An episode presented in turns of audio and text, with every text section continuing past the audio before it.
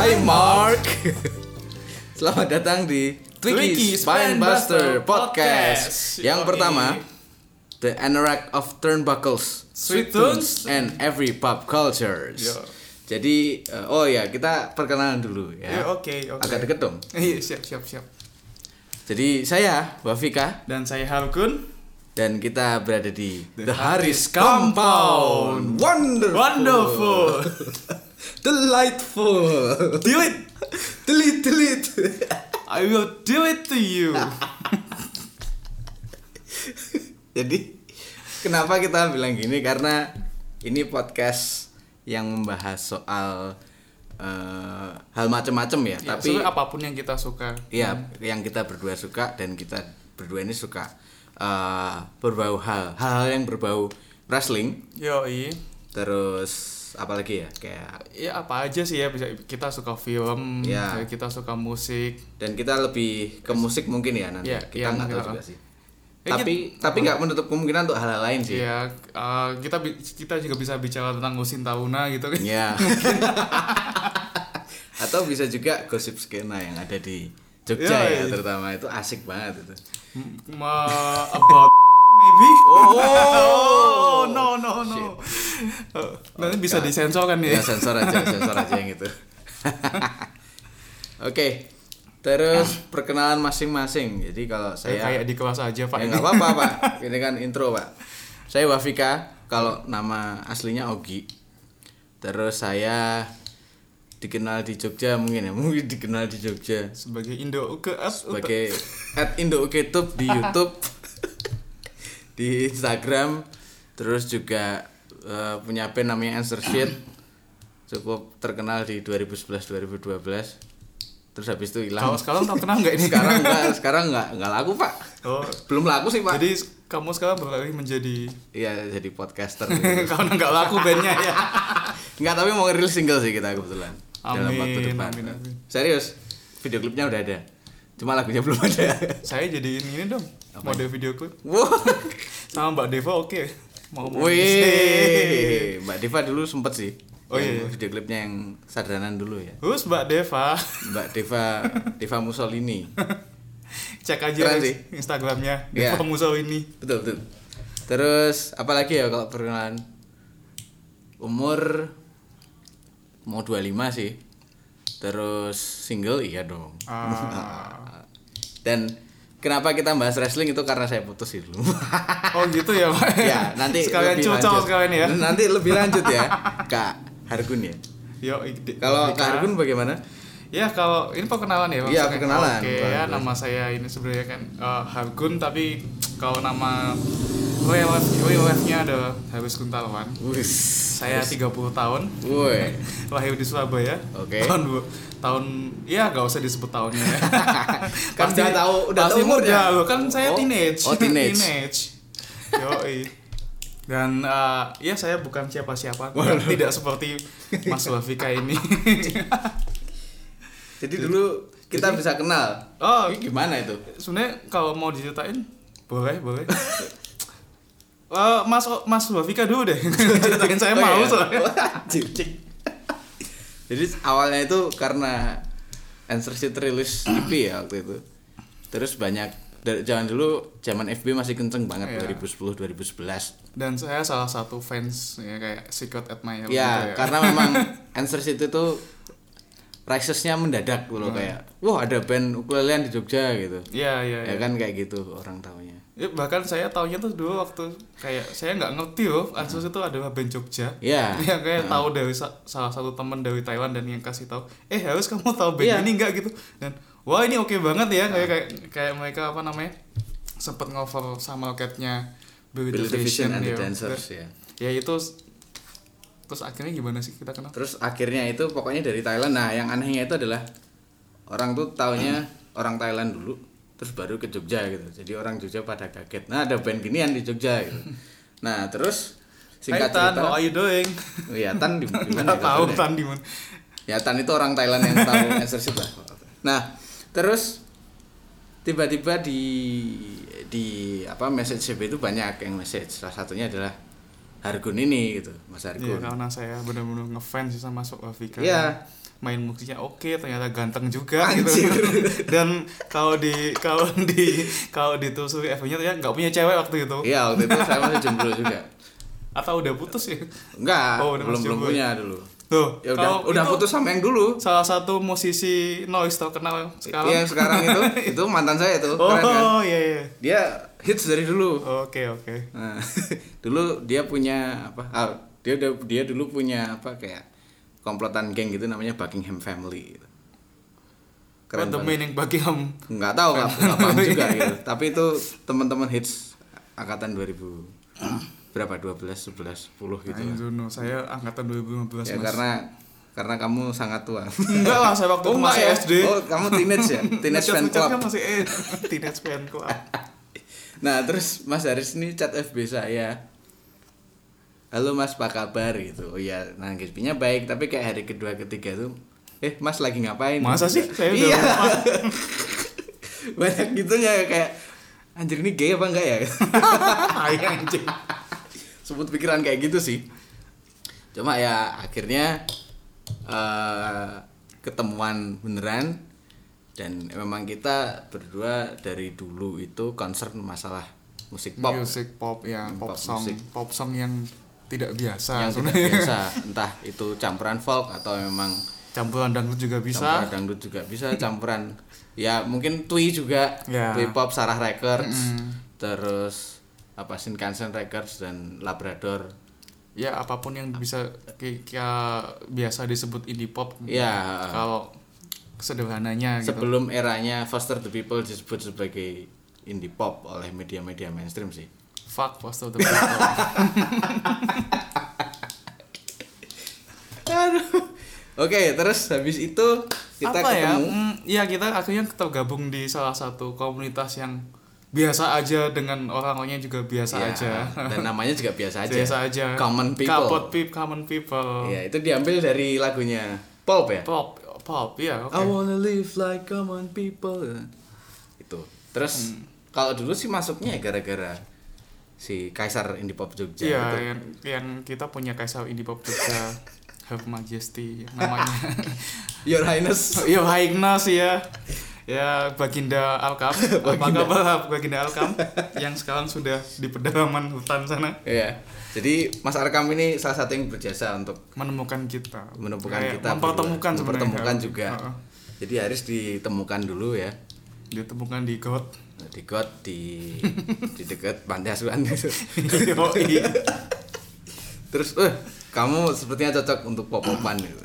Lalu diangkatlah sebagai Pangeran. kanan. Oh, Enggak, lah, pangeran. enggak, enggak, jangan enggak. lah. Pangeran. Saya kaki kanannya aja, man. bukan tangan kanan. Mas Haris itu pangeran indie pop Yang akhirnya apa? apa ya? Tidak jadi pangeran. Tidak jadi pangeran karena galau terus Bener. dan akhirnya Kaisar Arpa- Arkam pun eh, sudah menurunkan tahtanya Kepada karena realita ya Iya. harus menikah dan nikahnya sama mantannya Haris. Anjing. Ini breaking fourth wall ya. Breaking fourth wall. Sorry bukan Haris Hargun ya. Ayo. Oh ya di podcast ini bakal banyak eh, aku, kamu, saya, Oh. Pak dan lain-lain karena ya semoga teman-teman nggak masalah yang dari Jakarta ya.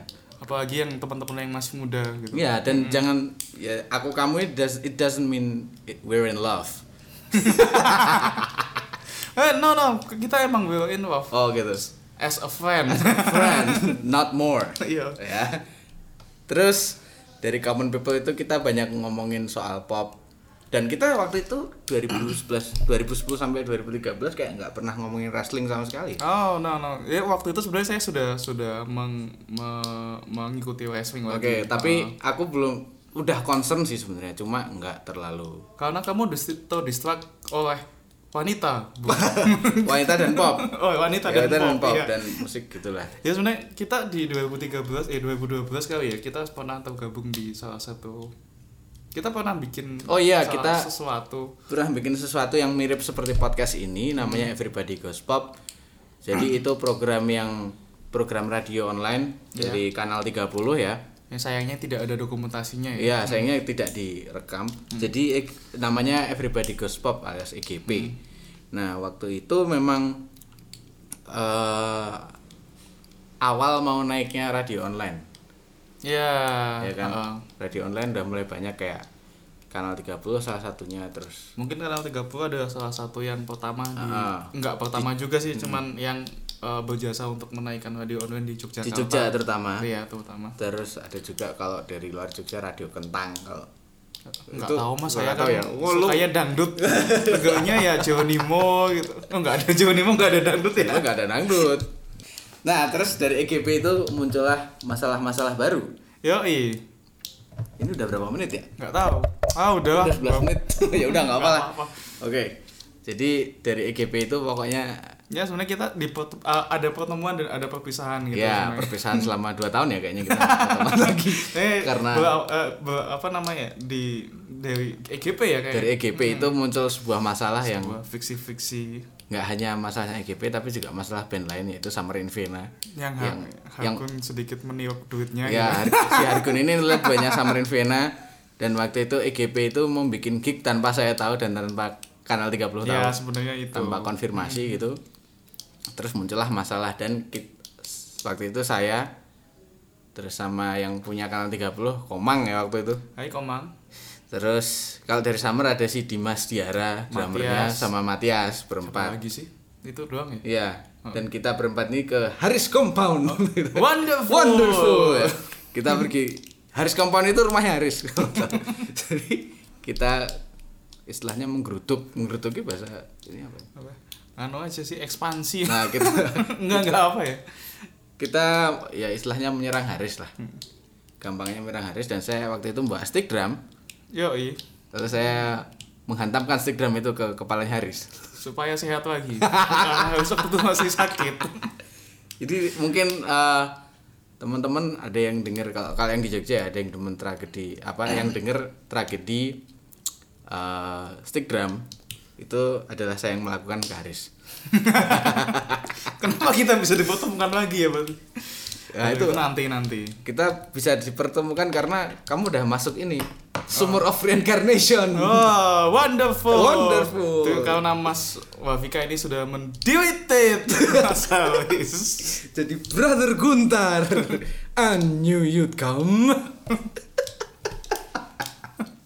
jadi kalau yang apa Super of Reincarnation Reincarnation mungkin oke mungkin di di beberapa hari atau beberapa waktu ke depan kita mungkin akan upload itu Ya, upload Ya. apa itu Sumur of Reincarnation, Ya, jadi- apa itu The Haris Compound gitu. ikutin tahu Instagramnya bakal dibikin juga Ya. belum dibikin ya malam belum ini. dibikin kita juga baru kita rencana podcast ini baru tadi pagi Hmm. percaya nggak percaya jadi semuanya serba dadakan karena ya eh, kalau saya pribadi tuh kayak menggebu-gebu tuh loh mau bikin podcast nggak podcast nggak tuh loh. karena nggak iya, ada nggak ada apa kita jarang ketemu juga kan Iya. akhir ini jadi ya ya wes, langsung yuk gitu malam ini gitu lalu reuni kembali lagi di Ini sini sebenarnya nggak reuni ya.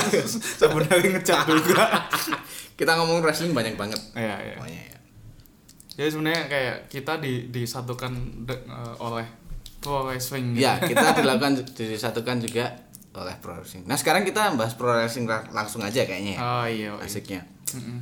ya udah mulai nih ya mas Udah Mas mulai Waika ya? Hmm.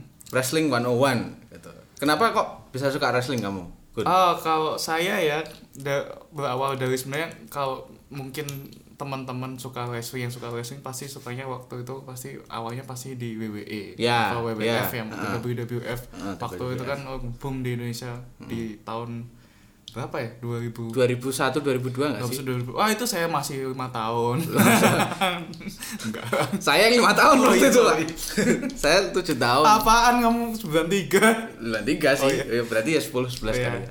Jadi ya kalau saya waktu itu sebenarnya sebenarnya kasusnya agak beda karena saya karena saya tidak suka menonton sejak kecil tidak suka menonton uh, saluran televisi yang mainstream seperti uh, SCTI saya nontonnya di Indonesia. Oh, anjir. Kalau Indonesia sekarang terkenal dengan Akademia Pop apa? Oh, anjir. Dangdut Dangdut Akademia. Akademia.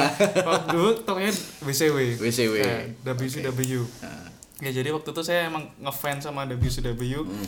dan saya suka sama waktu itu suka sama Sting sih. Wah, sama. Ya, sama Sting. banget Sting. Ya NWO versus Sting. Ya. Ya, sebenarnya berawal dari situ. Terus waktu itu sempat sempat anti sama SmackDown sih kalau Oh, saya. oke, oke. Kayak apaan sih kok pakai pakai kancut doang gitu Eh, bentar dulu emang WCW ada di TV ya? ada di Indonesia Ada ya? ada ada di Indonesia jadi Ah. cuman nggak di prime time se, se Oh, as I remember tuh nggak di nggak di nggak di prime time karena setahu saya itu WCW saya nonton WCW itu udah paketan dari paketan minggu pagi Oke. acara minggu pagi Oke, jadi oke. jam 6 nonton Ultraman Ah. Doraemon Dragon Ball bla bla sampai jam 1 siang kalau nggak salah itu WCW Oh, Ah.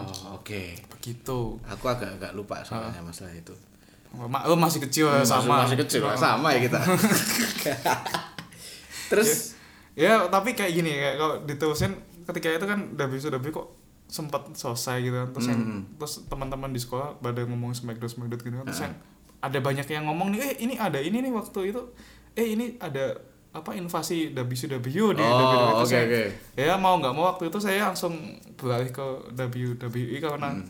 Ya karena WCW-nya di Indonesia itu tahun 98 Ya, ya. bukan tahun 2001 ya memang sebelum itu Ah, sih. itu dua Karena tahun lupa. sebelumnya jadi kayak oh Iya. ternyata yang yang yang teranyar ternyata sih WCW ini udah ada di WWE gitu. Ya. ya akhirnya setelah itu saya ngefans lah sama WWE dan Oke. pegulat pegulat WWE uh, pertama kali saya suka itu ya mainstream sih Siapa? siapa coba Dwayne Johnson Dwayne Johnson The Rock Dwayne yang sekarang sebenarnya udah udah nggak like good wrestler tapi emang dia superstar sih. Iya sih, Bener, oh. superstar.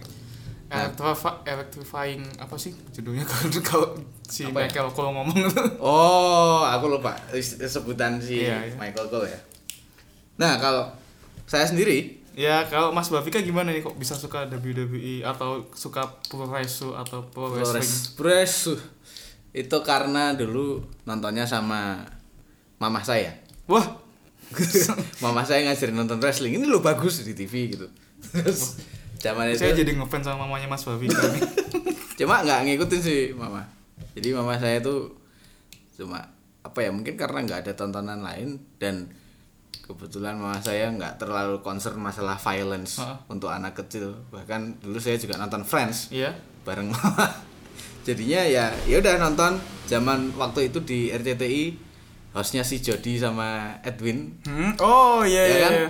terus kayak Smackdown wah Saya masih inget sih itu. terus kacamatanya yang bundar terus ke atas itu Tapi masih inget nggak sempat sempat WWE itu eh, di waktu di eranya TPI ah itu eh, yang ngebawain ini drummernya pas band siapa sih namanya? oh si Sandi ya ya, ya. Iya, itu pokoknya setelah setelah ganti TV ya Iya, iya. Sandi Pasben sempet bawain wrestling ya. Nah setelah itu eh karena saya suka banget WWE terutama sama Stone Cold Steve Austin. Hmm?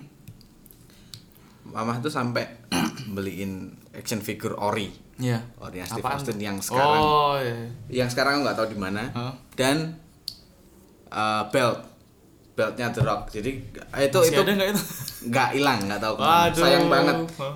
Itu kayak limited run merchandise ya jadi nggak nggak selalu ada sabuknya itu ya kayak sabuk biasa warnanya Hmm, hitam terus ada eh bayangin kayak 3D printed Hmm? tapi eh, dia apa namanya itu The Rock benar-benar tuh apa logonya banteng. ya? Banteng, jadi Oh, ada bantengnya oh, keluar oh, gini. hmm. Oh. bisa itu bayangin belt apa ya? itu nggak bukan belt official jadi memang buat merchandise untuk kids. Oh, tapi nggak nggak pernah di dimasukin story. Nggak, kan? nggak pernah kan dimasukin story Kalau di Stone Cold nih kan ada nih yang ya. yang smoke belt itu. Ah, kalau ini nggak ada. Yang, eh, memang nggak ada. Dan itu menyesal karena hilang sekarang. Ya bisa beli lagi Mas. Terus eh kenapa bukan lebih switch ya tapi agak tidak terlalu concern ke pop dan lebih ke racing karena kurang lebih berapa ya tiga dua tahun tiga tahun lalu ketika setelah itu setelah saya putus hmm? Ya sama siapa nih? tahu lah Oh, iya. Sekar. Saya tahu.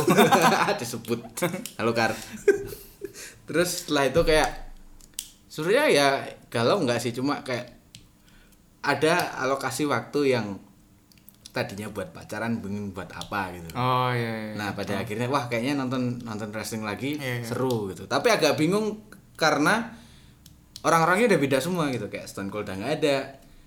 Terus eh, Heartbreak Kid apa namanya? Si Shawn Michaels. Ya Shawn Michaels juga udah enggak Evolution nggak tahu. Triple H sudah jarang. Jadi kayak adjustingnya cukup lama sih. Kayak sekitar enam bulan baru paham oh sekarang kayak gini. Gitu. Oke gitu oke. Kak Hargun. Itu tahun berapa ya? 2013 ya? Enggak 2013 kan si Empang kan? Jadi Oh, setelah itu. sesudah- sesudah mungkin si Empang. eranya ini pas AJ Styles masuk. Masa sih Bung? Udah AJ sebelum dikit maksudnya kayak eh AJ Styles tuh debut kapan ya? Royal Rumble 2016, 2016 kan? oh. sebelum itu dikit. Oh iya agak ngikutin lah. Heeh. Seperti itu. Nah terus setelah itu ya udah keterusan sampai sekarang gitu. Walaupun juga karena ini lagi jelek-jeleknya WWE menurut menurutku sih. Iya iya. Ya kan? Lagi kayak storyline-nya nggak jelas gitu pay per view-nya nggak jelas jadi ya seadanya aja nontonnya. Sih. Oke oke oke. Terus kita mungkin kalau eh, karena ini wrestling 101 ya sebenarnya wrestling tuh apa sih? Oke. Jadi Menurut apa Harkun. sih? Eh, kok saya? Oh, kayak, oh, saya ya? kamu dulu lah Wah, aku kamu aja dulu ya? aja jadi wrestling itu sebenarnya aku lebih memaknainya sebagai eh, art form art form Iya, oke sebuah eh, sebuah apa namanya eh, bentuk seni ya. Hmm. Mungkin kayak ada seni tari, seni musik. Iya. Nah ini seni yang namanya wrestling. Gitu. Jadi dia bukan bukan lebih ke wrestling aslinya ya jadi kayak Iya. lebih ke lebih ke move-nya Aha. di bagaimana mereka eh, membentuk sebuah gerakan dan menciptakan eh, respon dari audiens gitu. hmm ya ya ya ya kan nah di wrestling sendiri eh sama kayak eh, apa namanya? Dan ini sebenarnya wrestling ini selain art selain art sendiri dia ada entertainmentnya kan? Hmm. ada sportsnya dan ada entertainmentnya. Cuma bedanya adalah kalau sports itu biasanya kan ada yang menang ada yang kalah. Kalau di pro wrestling? Kalau di pro wrestling itu sebenarnya ya script. ada yang menang kalah cuma scripted. Iya. ya kan? Jadi dia udah di udah di apa? Di scripted itu apa istilahnya? Sudah ditentukan. Ya sudah ditentukan. ditulis, ah, ya. sudah ditulis. Nah. Tapi jadi kalau misal ada yang nanya sih kayak walaupun nggak ada yang bisa nanyain kita Iya, iya. kalau nanyain satu jadi kayak Iya, iya. ada yang nanya itu gimana sih? Kok kok misalnya kayak yang menentukan menangnya itu kayak gimana? Ya. Kan mesti kayak harusnya kan harus tentukan nah kriteria kok bisa ini yang dimenangin kok ini yang dikalahin tuh kayak gimana? gitu. Ah. Kalau menurut Mas Bafika gimana tuh Eh, sebenarnya lebih nah perihal menang kalah itu akan menciptakan sebuah storyline sih sebenarnya Hmm, hmm. ya nggak sih jadi Iya. kayak misal si si Empang lawan John Cena gitu. iya si Empang tuh tiga kali kalah terus gitu hmm. Terus berarti kan posisinya si Empang ini bisa dibilang kayak orang yang eh, akan rises atau akan eh, menjadi sebuah superhero di suatu Oh, momen. iya iya Nah itu akan dihabisin di minggu eh, di pertandingan keempat. Jadi Iya. dia menang gitu akhirnya. Ah, ah. Nah itu kayak menimbulkan sebuah reaksi dari ke penonton gitu. Oh. Wah ternyata hero kita bisa apa bisa melawan si penjahat gitu Iya, kan iya. karena Oh. ya sebenarnya kayak semi semi drama juga sih wrestling Iya, iya. itu ya kan jadi re- jangan kalau teman-teman yang baru tahu wrestling jangan eh, membayangkan ini kayak tinju atau kayak eh, MMA ya UFC gitu. Iya. karena ini beda banget gitu loh.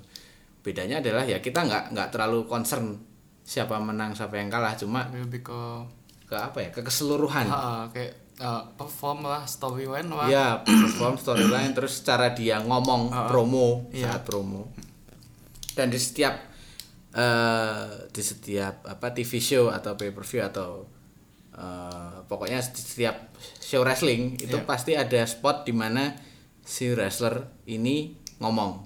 Ya hmm, hmm. dan dia bertujuan untuk eh, apa ya? Membangun suatu konflik. Ya membangun suatu konflik di matchnya nanti. Iya. makanya itu sesi itu disebut promo. Karena dia mempromokan apa yang akan terjadi di ke depannya atau di matchnya itu. Nah, jadi kayak apa namanya? Eh terus kriteria-kriteria buat eh, membuat suatu seorang talent itu dikatakan bagus. Misalnya apa aja sih? Mungkin nggak mungkin kan kita ngomong kalau misal oke lah katakan dia in ringnya oke nih gitu. Mhm. tapi promonya jelek itu bisa Ya. dikatakan bagus atau gimana sih itu agak susah sih karena ada wrestler bagus kan yang dia nggak perlu promo tapi eh, tapi responnya bagus ya lah secara mainstream misal kayak Brock Lesnar. Ya tapi dia ketolong promo dong Ya. Brock Lesnar karena ada si dia ketolong promo karena ada si Paul Heyman. Paul Heyman. Itu contoh. Tetapi kalau dia memang single fighter maksudnya Iya. dia nggak nggak punya backingan kita bisa lihat contoh kayak Apollo Crews. Oke. Dia sangat talented. Hmm. badannya bagus gitu Iya. dan sesuai dengan kriterianya Vince McMahon yang Iya. notabene eh, apa ya? Bulky ya suka sama badan gede lah. Suka fetish lah. ya. Tetapi dan di ring bagus. Maksudnya dia bisa ngimbangin siapa aja. Cuma dia nggak bisa ngomong. Akhirnya dia jadi low card malah. Jadi card bawah kan. Ya ya sebenarnya kayak kayak suatu apa banyak hal eh, satu hal yang bikin talent itu bagus tuh emang bener-bener nggak cuman dilihat dari satu sisi gitu. hmm, Jadi bener-bener banyak sisi ya kayak kita ngelihat satu one package orang gitu. ya ya benar Kalau menurut saya sih ada misal dan itu sedikit banget kalau menurut saya di era yang modern ya beberapa beberapa tahun ini menurut saya sih nggak banyak pro wrestler yang masuk ke kriteria kayak one package susah bagus gitu. Kalau menurut saya Hmm. salah satu yang bagus tuh hmm, maybe si Dean Ambrose, ya di Ambrose. Dean Ambrose. Ah. atau Kenny Omega. Kenny Omega sih mungkin di in ring skillnya oke karisma Ya. oke. Ah. tapi kalau di apa namanya? Di promo di promo saya belum bisa ngelihat Kenny bisa. Oh I see. Tapi kalau di promo bagus sih menurutku loh. Masa sih? menurutku bagus. Atau mungkin karena saya nggak bisa bahasa Jepang kali. Tapi Kenny kan promo Inggris terus. Iya s- eh enggak ah sering beberapa kali dia ngomong iya bahasa Jepang sama oh terutama mungkin pas sama Golden Lovers ini kali ya? Mm. dia kan reuni kan sama si siapa namanya? Lo lupa. Kota kota kota Ibushi. ibu sih iya iya. Ya kita ini sih ngomongin bukan di WWE ya kalau Ya. ngomongin kota ibu sih dan Kenny. Nah selain WWE jadi wrestling itu tidak hanya WWE ya. Bagi teman-teman atau kita kita sebelum ngomongin banyak sekali. Promosi wrestling promosi ya. wrestling em, kita bisa ngom kenapa kita nggak ngomongin tentang se- sedikit sejarah Sejarahnya ya. wrestling kenapa sekarang pro wrestling ini bisa disebut sebagai salah satu pop culture yang Ya. banyak dikulik orang Iya. ya Kenapa ini sebagai pop culture? Karena tahun ini lagi ngangkat-ngangkatnya wrestling, Mhm. kayak dua kedua tahun tiga tahun terakhir gitu. ya Nah, jadi awalnya kan kalau ini nggak tahu sih, nggak tahu banget sih sebenarnya kayak aku nggak terlalu ngulik juga zaman yang era sebelum 50 60 sih, tapi yang jelas same with me ya. jadi awalnya memang tahu sih eh, di US wrestling itu terpetakan jadi beberapa regional. Jadi setiap negara Ya. bagian itu punya Hmm, hmm. show wrestling sendiri dan Ya. dan jarang yang eh, satu wrestling promotion ya. Misal kayak kan ada yang namanya NWA, National Iya, Wrestling National Alliance. Wrestling Jadi itu kayak mungkin kayak koninya wrestling di Iya, hmm. di Jepang eh di Jepang di, di US lah. Hmm.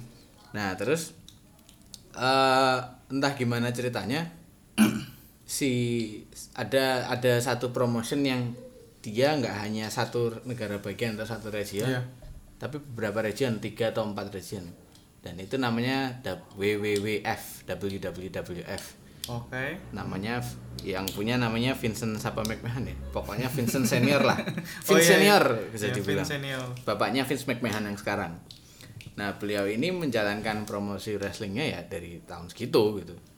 Dari tahun 60 70-an Iya. dan seiring perkembangannya ya ya di di situ eranya mungkin kayak Andre the Giant. Tapi waktu itu benar-benar eh, pro wrestling tuh udah scripted belum sih udah udah, Udah scripted ya, jadi udah. pro wrestling itu sebenarnya awalnya kayaknya scripted deh memang oh udah udah yang cuma scripted. memang orang-orang belum tahu dan belum teredukasi masa itu ya karena belum ada banyak belum media ada juga. ya medianya pun juga terbatas banget Iya.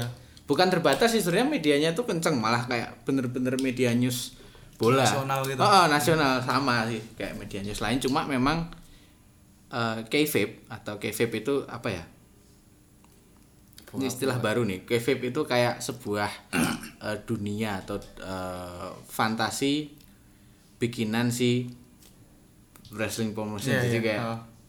nama karakter terus storyline dan itu sebutannya kayfabe. Oh. Kalau di luar kayfabe itu kehidupan nyata kita sekarang gitu. Iya, iya. kayak jadi kan wrestler ada yang di ring, ada yang pas nggak di ring kayak gimana Oh, gitu. iya, iya. Nah, kayfabe gitulah rupanya. Nah, emang kayfabe waktu itu sangat terjaga ya. Waktu itu. Hmm. Jadi- Bahkan mungkin lo sampai ke eranya apa namanya? Ah, siapa? WWE sebelum Ruthless Aggression Itu sebenarnya ya itu, Itu nanti masih bisa terjaga, sih. iya. Oh, itu- Tapi masih cukup terjaga. Iya. Cuma kapan eh, orang-orang teredukasi bahwa wrestling itu scripted nanti saya Oh, jelaskan. iya. Saya tahu. Oke oke oke. Terus oh waktu itu ada Andre the Giant terus Bruno Sammartino. Iya. Yang Bruno Sammartino ini adalah seorang legend yang dia em, punya WWF title selama selama Oh, dia yang 11 paling tahun. banyak ya? Oh, paling, lama, paling lama ya? terlama. Oh, dan- Jadi bayangin aja selama 11 tahun dia champion. Hmm. Dan itu dua kali reigns, maksudnya dua kali. Jadi ya dia selama 11 tahun tuh hanya sekali kalah di title match. Kalahnya sama. Ah, lupa. jangan jangan ngomong kalau itu Hulk Hogan ya. Enggak, itu beneran sih. Aku soalnya dengerin podcastnya Oh. si Jericho kemarin. iya.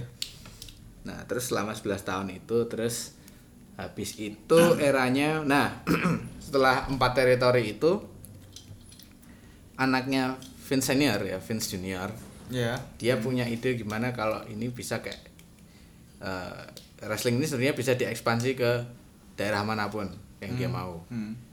Waktu itu eranya TV kabel. kalau Ya. nggak salah. Oh. Era TV kabel Terus terus 80-an awal ya di itu. 80-an awal dan tengah mungkin ya. Hmm. Jadi orang itu bisa memilih apa yang dia tonton. Mulai kayak gitu. Iya, iya. Di sini ada maksudnya TV kabel kayak gitu nggak sih enggak ya?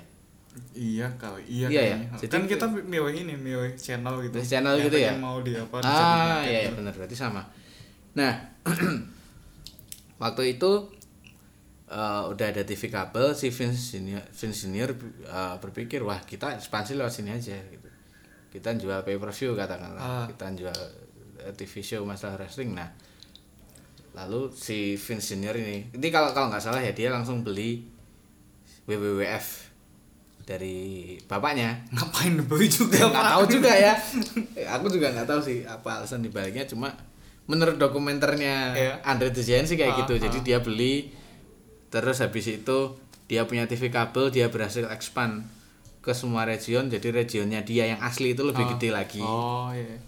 terus NWA mulai tersingkirkan Hmm.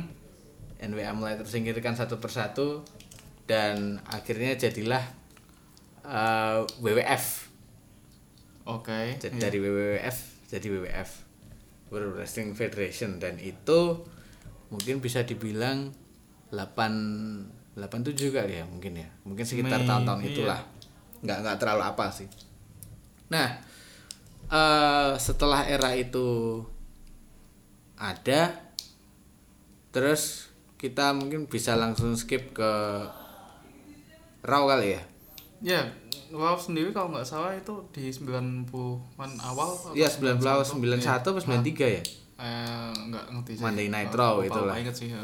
Jadi itu show TV Iya. khusus TV bukan TV kabel ya jadi kayak bener-bener TV Hmm. yang ada di setiap hari Senin Monday night kan namanya. Terus WCW itu kapan sih?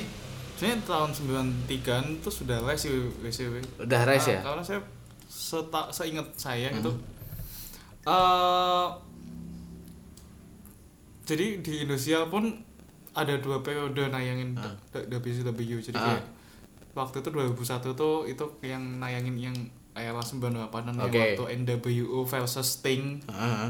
versus WCW dan Ya. d- ya dan dan di era kalau as I remember tuh tahun 95 itu saya sebenarnya udah udah ada di Indonesia Udah ada ya, 95 ya? 95, oh. Oke. dan itu nayangin di tahun 93an ya, waktu Ah. itu Stingnya masih rambutnya kuning dan Oke, gimmicknya oke, belum ah. The Claw Ya. jadi menurutku ya WCW itu sudah ada tahun segitu Udah ada tahun segitu ya berarti WCW. cuman ya benar-benar masih eh, fondasi masih Ya. fondasi aja sih Ah. Hmm. Nah, dua hal yang benar-benar membedakan WCW dan WWF waktu itu adalah Hmm. kalau WWF itu memang startnya dari ah ini nih si nah Raw 93. Oh, Raw itu 93 Iya. startnya ya. Hmm.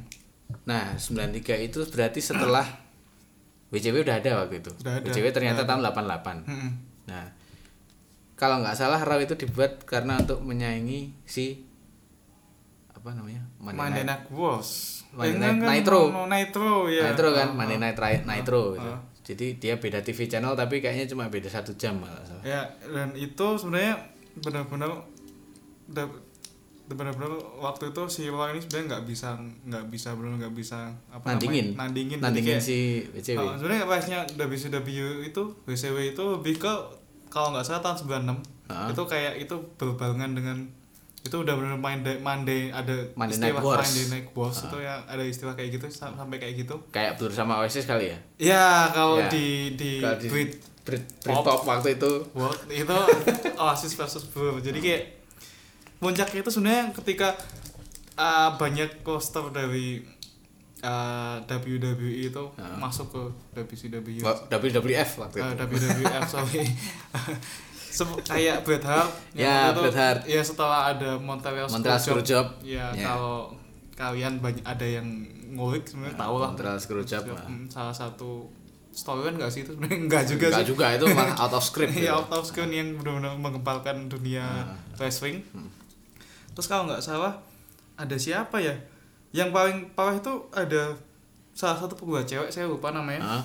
Itu kan sebenarnya habis eh, itu sebelum si Bret Hart move dari WWE. Sebenarnya ini si cewek ini sebenarnya kayak men-trigger kenapa si Vince mau ngelakuin Montreal Screwjob. Oh, oke. Jadi kayak si cewek ini waktu kontraknya expired di. WWF Di- waktu ya, itu, ah. dia tuh masih megang Megang title. Ah, megang title Oke, woman. ah. Jadi kayak waktu expired si ini belum sempet di belum sempet Dikalahin, kalah ah. belum. dan si sabuknya dibawa ke Ke WCW. WCW. Jadi kayak Senin selanjutnya dia ada di WCW sambil membawa sabuk itu terus sabuknya dibuang, ke Dibuang. tempat sampah. Iya, ingat. Itu Nah, apa itu ya? Saya lupa siapa ya. Itu bagus. sebenarnya kalau sebenarnya apa kayaknya kalau nggak salah dia jadi Hall of Fame, Hall of Fame ya? yang tahun ini deh. Ya, ya. kayaknya. Dan waktu itu memang sentimen antar wrestling promotion itu gede banget. nah nggak kayak sekarang yang mungkin ada attitude eh, ada apa ya ada, bukan attitude tapi lebih ke kesopanan lah. Iya. Dari respect satu brand ke brand lain. Jadi memang jelek-jelekin itu. Ah. kayak misal si yang kemarin habis Hall of Fame siapa namanya? Jeff Jarrett. Ah dia pindah dari WWE ke WWF WWF ke WWE itu ya dia bilang pasti ada promonya ya karena WWF kurang kurang baik dalam treatment apanya. Itu disebutin Mhm, di iya, iya. di TV Iya, gitu loh ah, ah. secara gamblang. Nah itulah yang membuat Monday Night Wars itu sangat seru.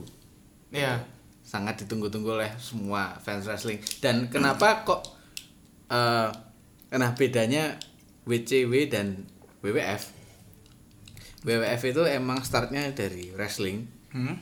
Tapi dia mencoba untuk masuk ke ranah TV iya sedangkan WCW dia nggak punya teritori Iya. wrestling ta- dia basicnya TV tapi Iya. membuat acara wrestling oke bedanya beda beda apa eh, perbedaan besarnya di situ sih Iya. sebenarnya dan mereka mentreatment rosternya tuh beda jadi kayak Like?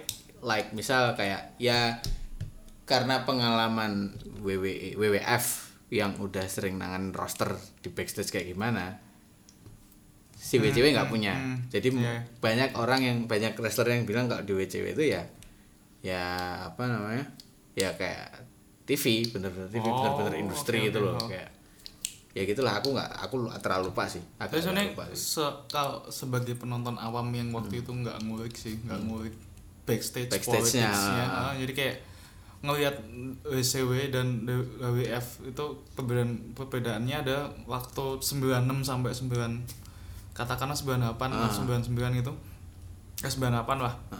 itu kayak lebih ke konten jadi kayak WCW itu waktu itu kenapa mereka bisa berani bisa menangin Hmm, bosnya hmm. karena mereka tidak terkungkung dengan konten jadi kayak Iya. mereka keluar dari stereo- stereotype uh, bahwa pro wrestling tuh harus ada haruslah superhero versus villain Iya, betul. jadi kayak waktu itu uh, kayak apa namanya yang nguasain DCW itu kayak mereka dengan sangat brilian membentuk suatu faksi yang bernama NWO NWO Hah? dan yang ya mungkin katakanlah kalau sekarang kayak Bullet Club apa ya. Kayak Bullet Club kalau yang sekarang. di dalamnya tuh benar-benar yang top card top card ya. semua ya. Jadi kayak dan lucunya roster rosternya NWO ini sebenarnya orang-orang yang di masa emasnya itu adalah salah satu gacuan dari WWF, WWF. Ah, Ah, karena misal- dibuang terus dimasukin ke Dimasukin ke NWO. WCW. Jadi kayak Hulk Hogan, Randy Kevin Savage, Nash Kevin Nash Kevin Nash. Kevin Nash apa sih Diesel ya kok Diesel dulu di WWE namanya Diesel. Terus si siapa Razor namanya? Scott. Hall. Ah, Scott Hall atau Razor Ramon Terus si Bret Hart juga Bret. Hart masuk. Mm-mm. Si Booker T masuk gak sih? enggak enggak pernah Enggak ya, enggak pernah ya. malah Sting yang pernah masuk Sting yang Ah. pernah ya pokoknya semua top card yang ada di wrestling waktu itu masuk NWO. Ah. Kemungkinan kebanyakan ya. ya pokoknya kayak waktu itu nah itu kenapa yang sebenarnya NWO itu sebenarnya kayak itu salah satu salah satu ide brilian dari WCW tapi NWO sendiri NWO sendiri lah yang menghancurkan Yang menghancurkan WCW. WCW. Ah. jadi kayak setelah WCW ini dapat pakem NWO dengan storyline yang benar-benar riot Iya. nah si WWE ini sebenarnya sedikit sedikit mengcopy si kerayatannya tapi kayak cuman mas sebenarnya kayak eh lebih apa ya kalau WWE Kalau WWE itu mungkin lebih ini karena yang dipilih. Nah, karena kan gini, eh, sorry sorry. NWO itu isinya adalah orang-orang yang pernah mengalami ya masa keemasan. Jadi dia posisinya Iya. jadi NWO, Iya. udah tua. Heeh. Oh ya bagi teman-teman yang nggak tahu NWO ini kelakuannya itu kayak suka rusuh, iya bahkan sampai suka rusuh eh, banget. ada salah satu match yang mungkin sampai sekarang saya sebel jadi kayak yang waktu itu NWO versus NWO Heeh. jadi kayak si Kevin Nash itu jualannya terus ada Hulk Hogan Heeh. tanding gitu kan. Karena mereka sahabatan gitu cuman kayak cuman setelah bell dibunyikan langsung cuman disentuh pakai snap gitu Ah. pakai snap finger itu Snap finger. terus jatuh. Terus dipin terus menang. Menang gogen anjing. Terus peluk-pelukan semua. Terus terus terus penontonnya apa kayak nibuk-nibuk pakai makanan gitu goblok Iya ya. bayangin itu itu kayak itu itu benar-benar di main event gitu itu, itu di main event gitu ya kacau itu itu apa ya ya itu salah satu kerayatannya dia Ya, gitu ah. selain dia tampak eh, menghancurkan roster-roster Hmm. yang ada di WCW dia juga menghancurkan matchnya sendiri Iya. salah satunya. Ya, kayak salah satu kehancuran story-nya WCW itu karena ketika kita ah, kalau saya sih ngelihatnya lebih ke ketika peta, dari pertama kita dikasih figur Mm-mm. superhero yang bernama Sting. Ya yang benar-benar itu adalah salah, salah satu bentuk dari perlawanan eh, kepada NWO yang Iya, sangat-sangat dominan. Tapi akhirnya pun Sting akhirnya pun jadi NWO gitu. Hmm. jadi benar-benar menurut saya kayak ah itu benar-benar kayak menghancurkan storyline sih. Ya salah satunya itu. Oh. terus sebelum kita mau apa ya ngomong masalah WCW hancurnya WCW kenapa Iya, ah. di WWE itu ada tandingannya NWO jadi mereka membuat NWO versinya mereka sendiri yang namanya di Generation X Ah iya iya iya. nah di Generation Se- X Sebenarnya NWO itu siapa sih yang bikin Eric Bischoff? Eric Bischoff iya, waktu sorry. itu. Nanti diprotes lagi sama Iya. Smart Smart. Iya, Smart. Maaf ya Mas, kita Mark. kita Mark kayak kalian yang ini dengerin Mark Hey Mark. hey Mark di Generation X ini dibentuk ya itu untuk untuk apa ya memberi stimulus eh, orang-orang orang-orang yang di luar WWE dan yang di WWE sendiri kayak eh kita juga punya kayak NWO loh gitu. Iya iya. iya. Gitu. Itu isinya Triple H terus ada Shawn Shawn Michael. Michael, Road Dogg Terus apa Terus sih? China. X-Pac. Ah, China. China. nah X-Pac waktu itu Sebenarnya, anomali karena dia juga di NWO. dia dia di NWO terus eh sempat di NWO ya Sempat Oh. oh. saya pernah nonton di WSW itu dulu namanya Six kan ya Lupa. SCXX Ah, kalau salah Sempat di NWO terus di hire sama WWF, baru dia di itu di Generation ya X. terus masuk The Generation X Ah. tapi sebenarnya di itu awalnya ini sih X-Pac itu awalnya emang WWE Oh, namanya iya, iya. One Two Three Kid Ah, kalau ah, pernah ah, ingat ah. masuk WCW masuk NWO juga namanya Six balik namanya X-Pac Oke. saya ingat saya ingatku gitu sih Hmm. Nah terus di Generation X ini agak berbeda approach-nya dengan uh, NWO. NWO. NWO karena dia faksinya nggak terlalu gede. Kayak NWO kan kayak seluruh rosternya Iya, ikut NWO iya, kayak ada 10 atau 20 orang tuh NWO semua. Iya, tapi di Generation X ya kayak stable biasa. Mungkin kayak 5 berapa ya? 7 lah 7 Iya. 8 orang. Dan uh, mere- mere- karena hanya nggak banyak mereka masih punya musuh lain. Oh, kayak misal oke. kayak God eh, apa namanya? Gl- Glorious of Domination yang isinya itu si The Rock terus ada si siapa? Eh duh namanya siapa sih? Mankind damn itu siapa? Oh, iya iya iya, si Ron Simmons. itu ya. APA sebelum APA mereka kan punya stable juga. Iya iya. si itu terus si bukan Devon siapa sih namanya? Ah lupa pokoknya itulah. Dan dia Siapa sih? ah Bradshaw Glorious of Domination. enggak bukan Bradshaw Bradshaw bukan kan? Heeh. ntar googling dulu guys. Googling dulu ya Mark. Saya kita juga Mark jadi kita harus googling. Ya mohon maaf kalau ada yang dengerin itu kebetulan. Itu di 97 Nation of Domination 9698 Oh, iya iya iya. Saya, tadi dari mana? Oke. Nation of Domination. Nah, sudah ketemu. Namanya Nations of Domination. Nah, itu jadi awal muranya gimana si Rocky Maivia alias Ah, The Rock ini bisa berubah jadi The Rock Hmm. gitu dan dan ini isinya itu si jadi kayak Nation of Domination ini African American dan lebih ke apa? Lebih ke Islam Islamic nation tapi yang African tuh. Nah, ini ketemu nih anjing. Nah itu ya Nation of Domination itu Dilo Brown. Nah aku aku mau nonton apa bilang itu lupa Dilo Brown sama Mark Henry. Ada si terkenal. juga ya. Ya Faruk, The Rock, Dilo Brown, Mustafa. Mar- ya. Satunya kaman ngobrol. Nah itu feudnya sama DX salah satu yang paling terkenal. Oh iya. Ih, tapi ini bentuknya udah The Rock loh. Udah The Rock. Ya, bentuknya bukan Rock. Oh bukan Rocky Maivia ya? Mas udah The Rock. Oke, tapi waktu itu The Rock heel. Iya. Hmm. Karena Rocky Maivia itu kayak terlalu apa ya? Mungkin kayak Jason Jordan sekarang Hmm. Yang dia Annoying gitu ya. annoying. Harusnya jadi face cuma gagal.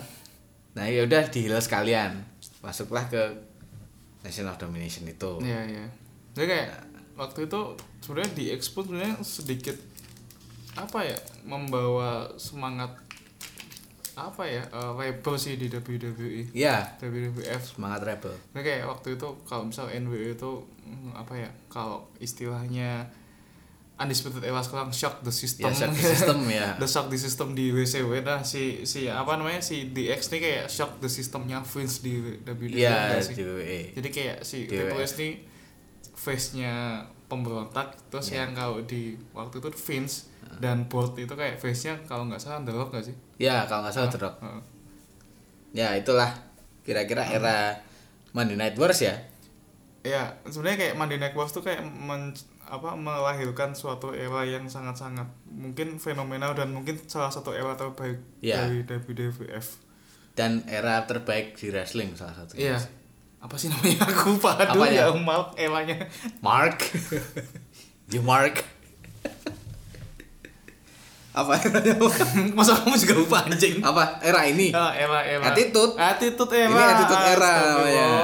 Maaf ya saya. wah Mark Dasar Mark. Nah, di Attitude Era ini sebenarnya ada promotion lain yang cukup mengangkat. Ya, eh, iya ACW maybe. Ya, ya. ECW, ECW waktu itu ya Paul Heyman lah yang bikin. Iya. Nah, di situ tempat bersarangnya Dudley Boys, Ya, terus Tommy Dreamer, SU. Sandman. Maksudnya kayak for your info dari hmm. itu sebenarnya bukan dari WWF Ya, ya. ECW itu bukan dari WWF tapi dia promotion sendiri yang dibeli Heeh. oleh WWF. Iya. Gitu. Nah, habis itu masuk ke Ruthless Aggression Era ya. Ya, sebenarnya kalau mau Era. ngomongin Lotus Aggression Era sih sebenarnya kayak kita harus ngomongin ke- ketika setelah Monday Night Wars selesai. Jadi kayak era WCW hancur terus Hmm. waktu itu sebenarnya kayak sebenarnya waktu itu setelah waktu hancur tuh ada beberapa superstar yang sangat-sangat apa namanya berpotensi Hmm. di WCW kayak si Goldberg Ya, Goldberg. Terus kayak si saya masih ingat banget kok waktu masih Monday Night Wars di Goldberg tuh udah nganu sih udah kayak Lesus jadi kayak dia punya punya rekor yang nggak terkalahkan gitu. Oh, ya. kayak Asuka Streak, nggak punya ah, streak hmm, dia. streak yang dan itu streaknya itu cuman kayak rekornya nggak cuma streak jadi kayak yang berapa menit doang berapa Ya, detik doang berapa gitu. detik, berapa menit gitu Nah, kan. terus ada Sting juga masih oke Ah. Ric Flair waktu itu juga masih di Masih WCW oke. Ya, WCW ya Ah, dulu ya. ah. Terus, nah setelah WCW waktu itu hancur saya nggak tahu ECW gimana hancurnya Hmm. karena nggak begitu ngikutin tapi WCW itu hancur dan pokoknya ada satu di satu titik sampai satu titik ketika WCW ini ham, kolaps Ya. ya bisa dikatakan kalau di modern era sekarang kayak TNI Kayak TNI yang Ah. kolaps lah. nah bedanya TNT diakuisisi oleh siapa ya? Eh, GFW. JFW dan jadi Impact. Nah si si WCW ini diakuisisi oleh pesaing beratnya sendiri. Ya, itu ya. Di oleh Vince dan saya kayak waktu itu banyak orang menyayangkan dan takut ketika WCW bakal jadi apa namanya Eh, bakal dibunuh Ah, sebentar. Heeh. Salah satu hancurnya kenapa tau nggak? kenapa Salah satunya adalah terlalu besarnya NWO tadi. ya NWO sampai dibuatkan program selama satu jam setelah Monday Night apa Monday Night nah, Nitro. itu nah, nggak itu. nggak tahu setelah itu tapi yang jelas ada satu sek, satu jam segmen sendiri khusus untuk NWO Hmm. isinya hanya NWO dan itu yang membuat mungkin orang bosan itu Iya sebenarnya Ah. saya kayak sejauh sebelum NWO sangat dibikinin storyline pun ketika tadi saya pernah cerita kalau sampai si penonton nih sebahkan mungkin sa hampir setiap show penonton tuh pasti ada momen penonton tuh ya ngelempar makanan NWO eh, sampai ngelemparin bosen makanan gitu ya. Iya, sa- sampah gitu itu dia kayak gitu sih jadi kayak itu ada di tahun 2001-an ya. 2001an dia kan Di akuisisi, 2001 dan emang akhirnya benar masih kayak keti- ketika di akuisisi WCW akhirnya hancur juga mungkin Ya. emang dibunuh gitu. Ah, ah. nah kalau ngomongin aggression ya uh, trigger awalnya ya ketika si WCW ini diakuisisi dan akhirnya dimasukin storyline yang Iya. apa sih namanya agresi itu ya Iya. Heeh. Terus kayak invasion itu invasion. ya waktu itu ceritanya kalau nggak salah si si Shane Shane McMahon, ya, Shane, Shane ah, McMahon anaknya Vince, dan si uh, Steph. Step itu ngakuisisi ECW dan WCW. Ah. Nah, bahkan di jadi waktu itu Monday Night Wars terakhir adalah ketika Raw di mana di kota mana terus si Naito di kota mana gitu. Iya. Itu kayak benar-benar ketika di di dijadiin satu jadi kayak di tengah show di Raw ada video tintatuan gitu si si apa namanya si Vince ngomong eh, si Shane ngomong gitu kalau kita bakal terus gitu. Iya, Ah. kita bakal war lah ya sebenarnya. Kayak, Nah, tapi sebenarnya waktu itu sebenarnya penutupannya nah itu itu benar-benar kayak menurut saya sebenarnya kayak apa ya berkesan sih waktu itu. Iya. kalau nggak salah main eventnya itu Ric Flair versus Sting oh, Nah, oke. dan itu tuh bagus banget sih Itu yang di Monday Night, Ah, Night Nitro. ah, Nitro. Tapi sebenarnya itu jadi show yang maksudnya jadi satu channel nggak sih atau channel yang beda? itu masih channel yang beda jadi Oh, kayak tiba-tiba kayak di di kayak Avenger disatuin gitu, Ah, di satu see. film disatuin tek terus kayak di tahun di sini terus kalau kita di Nitro kita juga diliatin si, si ngomong terus Iya, iya. di bawah gitu. Ah, tapi mak- maksudnya gini, ketika match mulai Nah, di Nitro Iya. dan di apa namanya satunya? Di Di, Raw, Raw. ah. Itu barengan atau enggak apa satu? Iya benar-benar benar-benar acara yang berbeda. Jadi bukan acara yang sama gitu. Oke, oke. Tapi ya itu intinya adalah WWE diakuisisi eh Eh, WCW eh, diakuisisi eh, oleh eh, WWE atau WWF waktu itu. Waktu itu kalau nggak salah eh, championnya di WCW itu Brock eh kok iya kok Brock sih namanya? Booker Booker. Booker T, WCW, Ah. five time champion ini nih. Eh, angka 5. Nah, terus tapi sebenarnya sebelum Ruthless Aggression era atau mungkin di masa transisi itu Iya. ada satu sosok yang mungkin dikenal sama teman-teman. Siapa ini? Dudley Boys, Hardy Boys, Oh, sama iya. Asian Christian. Iya, iya, itu Jadi di attitude sih masih ya. itu masih attitude ya, Iya, Dek? masih attitude. Jadi tiga orang ini adalah proper TLC match, Hmm. table ladder chair. Table ladder chair ini bagi teman-teman yang belum tahu adalah Ini sebenarnya kayak kita ketika tadi kita ngomongin ah, apa kehancuran WCW kita ngomongin gimana WWE lagi rise rise ya lagi rise rise nya sih. Yang membuat WWE menang karena dia memang basicnya wrestling ya dia kalau Hmm. tak pikir sih research and developmentnya lebih ke wrestling dan bukan ke storyline. Iya. gitu Ah, iya, ya iya. kan Ah. kalau kalau masalah kayak apa namanya tadi NWO itu kan storyline banget tuh. Hmm. Iya, iya, iya. kalau ini adalah inovasi di tek masalah teknisnya di wrestlingnya Iya. Eh, T- TLC atau table ladder chair itu jadi emang sebuah match yang involves atau eh, ada meng- mengadakan eh match yang ada properti berupa apa namanya tables itu apa meja Apa? meja. sama saya bingung kan meja terus ada ada kursi, ada, ada tangga. kursi ada tangga dan ada macam-macam lah Iya. nah tiga apa namanya tiga stable ini atau tiga grup ini ini jadi pelopor karena mereka bertiga ini berani ekstrim. Iya. bener-bener berani ekstrim. Jadi kayak lompat dari apa namanya ketinggian ya bayangin aja di atas ring Iya. terus ada apa namanya ada tangga terus kamu jatuhin diri ke bawah ring. Itu si Jeff Hardy paling kan paling gila paling memorable itu sebenarnya kayak si oh saya lupa itu masih di masih di itu apa di kayak si Edge Heeh. itu kayak posisinya itu masih ada di apa namanya di tangga nih tangga Ya. besar. Tuh si Jeff Hardy ini udah ini megang sabuk gitu Ya. tapi nggak ada tangganya. Tapi nggak ada tangganya, terus dari tangga yang yang tinggi banget tuh tuh si si Jeff Hardy juga lagi gelantungan dari tangga itu dia langsung nyepir dari kan ya spear dari ini ya kan? dari tangga. Dari tangga. Itu Dan benar-benar kayak wow gitu. Pak, itu Memorable. itu apa ya? Sebuah revolusi dalam wrestling sih. Ya. Jadi kayak kalau dibilang waktu itu WWF atau WWE ini sebenarnya udah sangat tweet pengawit apa namanya sudah sangat memimpin dalam hal uh, match. Match, karena ya. kalau kita walaupun waktu itu si WCW masih rise dengan NWO-nya ya cuman kalau kita nonton NWO apa kita nonton WCW itu benar-benar kayak kayak kayak like kita sekarang nonton WWE terus kita nonton indie ya karena ya JPW lah bener bener kayak gitu sih JPW kayak gitu Heeh. kayak bahkan lebih buruk kualitasnya Ya. kalau di WCW sebenarnya kalau dari segi match loh Hmm.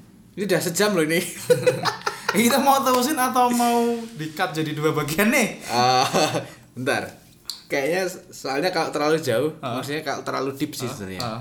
takutnya terlalu apa ya namanya terlalu too much to digest jadi terlalu Ah. banyak yang harus Iya, iya. dicerna gitu loh jadi kayaknya kita stop dulu sampai lulus aggression era ya oke maksudnya kita eh, di kesempatan ke dua Kedua. kita akan ngomongin your favorite John Cena ya terus CM Punk CM terus Punk. ada siapa lagi ya? I'm my I'm si Empang guy kayak Brock Lesnar Brock Lesnar Iya. terus ada mungkin Daniel Bryan yang Daniel Bryan banyak disebut sebagai people champion setelah People. Champion Heeh. terus NXT Hmm. Nah, tapi sebelum kita selesai kita harus uh, apa namanya? Ada konklusinya nih. Kenapa kok uh, kenapa kok orang harus nonton wrestling? Gitu. Yang pertama kalau menurut saya storyline. ya Ini sama kayak drama, sama Ya. kayak film, sama kayak serial. Bahkan Monday Night Raw itu adalah dianggap sebagai TV serial atau series paling lama dan paling panjang ya di historinya TV. bahkan udah seribu berapa gitu Iya, udah seribu berapa dan sekarang kan 25 tahun. iya Gila kan maksudnya ada ada nggak sih series lain yang sampai 25 tahun panjangnya gitu. Game of Thrones aja cuma berapa tahun Nah, makanya itu. Itu satu. Walaupun ya up and downs-nya pasti ada gitu. Masa-masa Raw jelek ada, Iya. masa-masa SmackDown lebih bagus Iya, ada. Oh ya, masa-masa ini ya tadi Ya. belum masuk. Nah, itu ya ya kita sebagai fans wrestling ya nerima aja. Maksudnya nggak nggak perlu kita hafal dari tahun 93 sampai sekarang tuh storyline-nya apa aja karena Iya. ini nggak kayak One Piece kayak kayak kalau One Iya, Piece iya. kan emang kayaknya harus dari awal tahu. Iya, iya, heeh. Kalau ini kan nggak karena wrestlernya berubah-berubah. iya gitu. iya. Nah, Sebenarnya kayak lebih ke lebih ke satu satu musim itu beda lagi storyline Iya, musim. satu musim beda lagi storyline. Dan oh iya, kalau polanya di wrestling itu gini. Eh, nggak tahu ya sekarang ya. Kayaknya sekarang udah berubah ya. Kalau sih? kalau tahun lalu itu di, di TV itu kan ada empat minggu. Heeh. Minggu pertama, kedua, ketiga sampai keempat nggak sih? Iya. Yang di Smackdown sama Raw. biasanya kayak gitu Empat minggu itu atau tiga atau empat minggu itu itu build up uh, feud. feud Feud itu kayak, apa ya? hmm, ya tadi storyline permusuhan lah Iya, permusuhan heeh. antara Konflik, si Superman dan si penjahat Heeh. Supermannya ini disebut face dan si penjahatnya ini disebut heel jadi yang jahat dan yang baik Sebenarnya ada satu jenis lagi misalnya karakter ada- Twinner. Ah, Twinner, Twinner itu kayak anti hero. ya anti hero antara face dan Heeh. heel gitulah Heeh. nah di storyline ini akan dihabiskan di pay per view Hmm. nah setelah pay per view nanti terserah mau lanjut storyline lagi atau enggak Ya kayak kayak gitu sih sebenarnya kayak tergantung dengan apa namanya animo penonton. animo penonton Oh, juga bisa. kayak misalnya si Empang lawan AJ Styles katakanlah Heeh. wah ini jelek pay per view-nya ya mungkin di pay- Di cut di situ juga. di cut di situ udah selesai nanti di weekly shows atau di show mingguan itu Iya. akan diganti dengan wrestler yang lain. Iya. itu dengan spot yang lain nah, kayak gitu. Itu kenapa kok uh, wrestling itu atau Monday Night Raw itu bisa bertahan sampai sekarang? Ya karena itu Hmm. salah satunya. Terus yang kedua dari kalau saya pribadi dari karakter. Ya build karakternya ya. build karakternya setiap uh, wrestler. Dan build karakter itu bukan berarti kita pas pertama kali lihat wrestlernya ini "Oh, ini keren. Enggak tapi orang bisa suka sama wrestler ini juga karena perjalanannya dia selama bertahun-tahun Iya. untuk membuat karakter itu. Hmm. kayak katakanlah si Carmela ya aku menyebutnya Carmela karena awalnya Carmela itu hanya sidekicknya si Enzo dan si Gas. Ya ya kan? Terus dia jadi solo jadi single fighter. Terus dia uh, baru tahun keberapa ini? Tahun kedua dia bisa jadi champion dan Iya. itu menurutku karakter dia yang nyebelin. Ya Queen of Staten Island Iya. itu bener-bener dapat untuk sekarang sih. Jadi sebenarnya kalau ngomongin build karakter ya, kalau contoh bagusnya sih kalau di di apa namanya di male di Ah. male talent gitu female talent. lebih ke Seth Rollins gak sih? ya Seth Rollins juga. Heeh. Dia jadi cuman kacung gitu. Terus jadi kacungnya Triple H sekarang yang benar-benar jadi benar ya mungkin sedang mendekati Superman ya. Ya dia udah mendekati Superman kayak John Cena. Iya nah John Cena pun sendiri itu sebenarnya juga karakter. Hmm. jadi kayak dia awalnya adalah uh, anak hip hop nggak Iya. jelas. Ya terus akhirnya dia jadi apa ya setelah itu apa sih ya? Ya jadi uh, mungkin setelah anak hip hop nggak jelas jadi yang sebenarnya uh, awalnya dari Marin gak hip sih? Ya awalnya dari Marine juga. Ah, dia dapat Marine terus dia jadi kayak uh, semi semi soldiers Ah. tapi still hip hop Heeh. terus jadi Superman kesukaan anak kecil. Iya dan sampai sekarang karirnya di wrestling masih apa ya untuk untuk untuk materi jualan bagus banget lah. Nanti btw dikat bentar. Kayaknya kita mungkin kapan-kapan bisa ngomongin Instagramnya John Cena dong. Oh bisa oh bisa bisa banget bisa Instagram. bisa. Follow dulu Instagramnya John Cena itu karena keren banget. Oke lanjut lanjut konklusinya. Terus konklusi yang ketiga kenapa kita harus nonton wrestling adalah wrestling itu sebuah seni. Ya ya.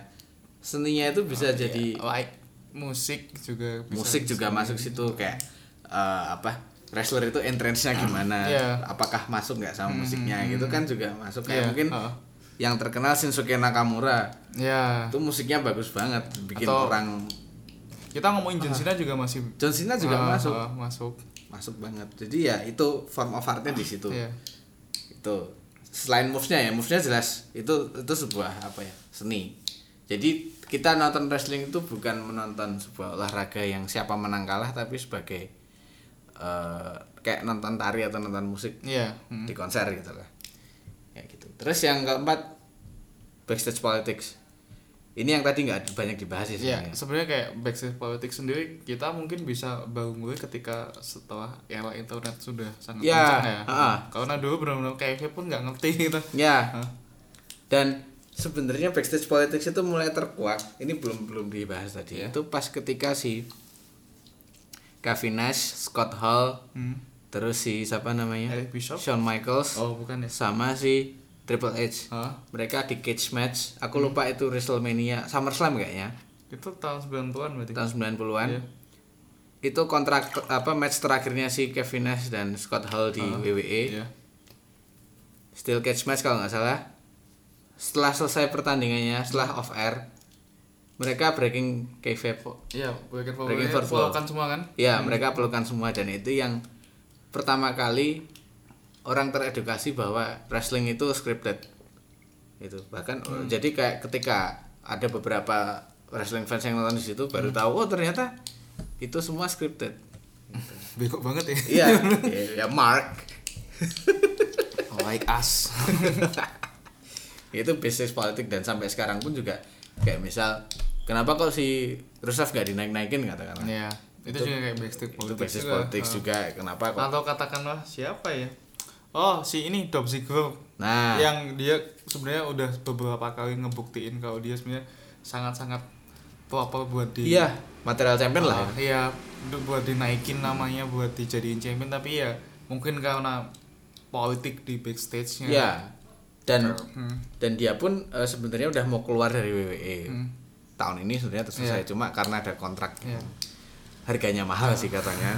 Jadinya ya balik lagi. Ya jadi kayak kita ngom kalau dibalikin ke konklusi backstage politik kayak kita lebih ke apa namanya eh ngomongin kita eh, ngomongin tentang gosip artis gitu. Hmm, ya ya. lambe turah gitu. Ya kayak lambe turah gitu lah ya ya kayak gitu sih ya itu sama kayak di sepak bola juga sebenarnya ya transfer Mirip-mirip main juga. ya transfer Eh, pemain ah, dan lain-lain itu iya. juga masuk ke sini sih terus yang kelima trivial sih kayak trivial tuh kayak behind the scenes-nya Hmm. kayak gimana misal kayak eh, si Empang dan John Cena yang ternyata mereka itu teman akrab Iya. di luar ring Ah. tapi kalau di dalam ring itu bener-bener intens Iya. kayak kayak beneran tuh Ah, atau mungkin yang paling bagus ini sih kayak apa namanya Kevin Owen dan dan Sami Zayn, Zayn iya. ya, Ah. yang dia dari kecil udah temenan Ah. terus mereka berantem di ring terus temenan lagi ya kayak Iya iya. breaking off terus balik lagi itu itu hal yang bagus sih Iya bagus yang menarik diceritakan. buat di sebenarnya. dan itu ngaruh di storyline juga kayak oh mereka ini udah temenan lama Iya kadang kadang kadang ada yang bahkan kadang ada backstage politik dan backstage konflik ya itu bisa dimasukin ke storyline. storyline itu banyak Ah, ada ada contohnya ketika si si Wita putus Nah, sama Mat Mat Hardy jadi kayak ketika terus dia ditikung sama si sama It, itu dan ditikungnya dimasukin. beneran. iya Dan ditikungnya beneran beneran. cuman di storyline pun mereka juga kayak gitu Iya. ditikung juga dan iya dan yang ya kayak gitu dan si Matt Hardy pun akhirnya juga beneran keluar WWE oh iya iya. Saya iya kan? Oh, itu ya oh. kan Oh, iya, iya. entah dipecat atau Oh, memang keluar tapi dia beneran keluar. Dari WWE karena masalah itu. Ya waktu itu sebenarnya yang yang mengakhiri Matt Hardy kalau nggak salah matchnya itu yang mengakhiri Jeff. Ya itu juga itu juga sih.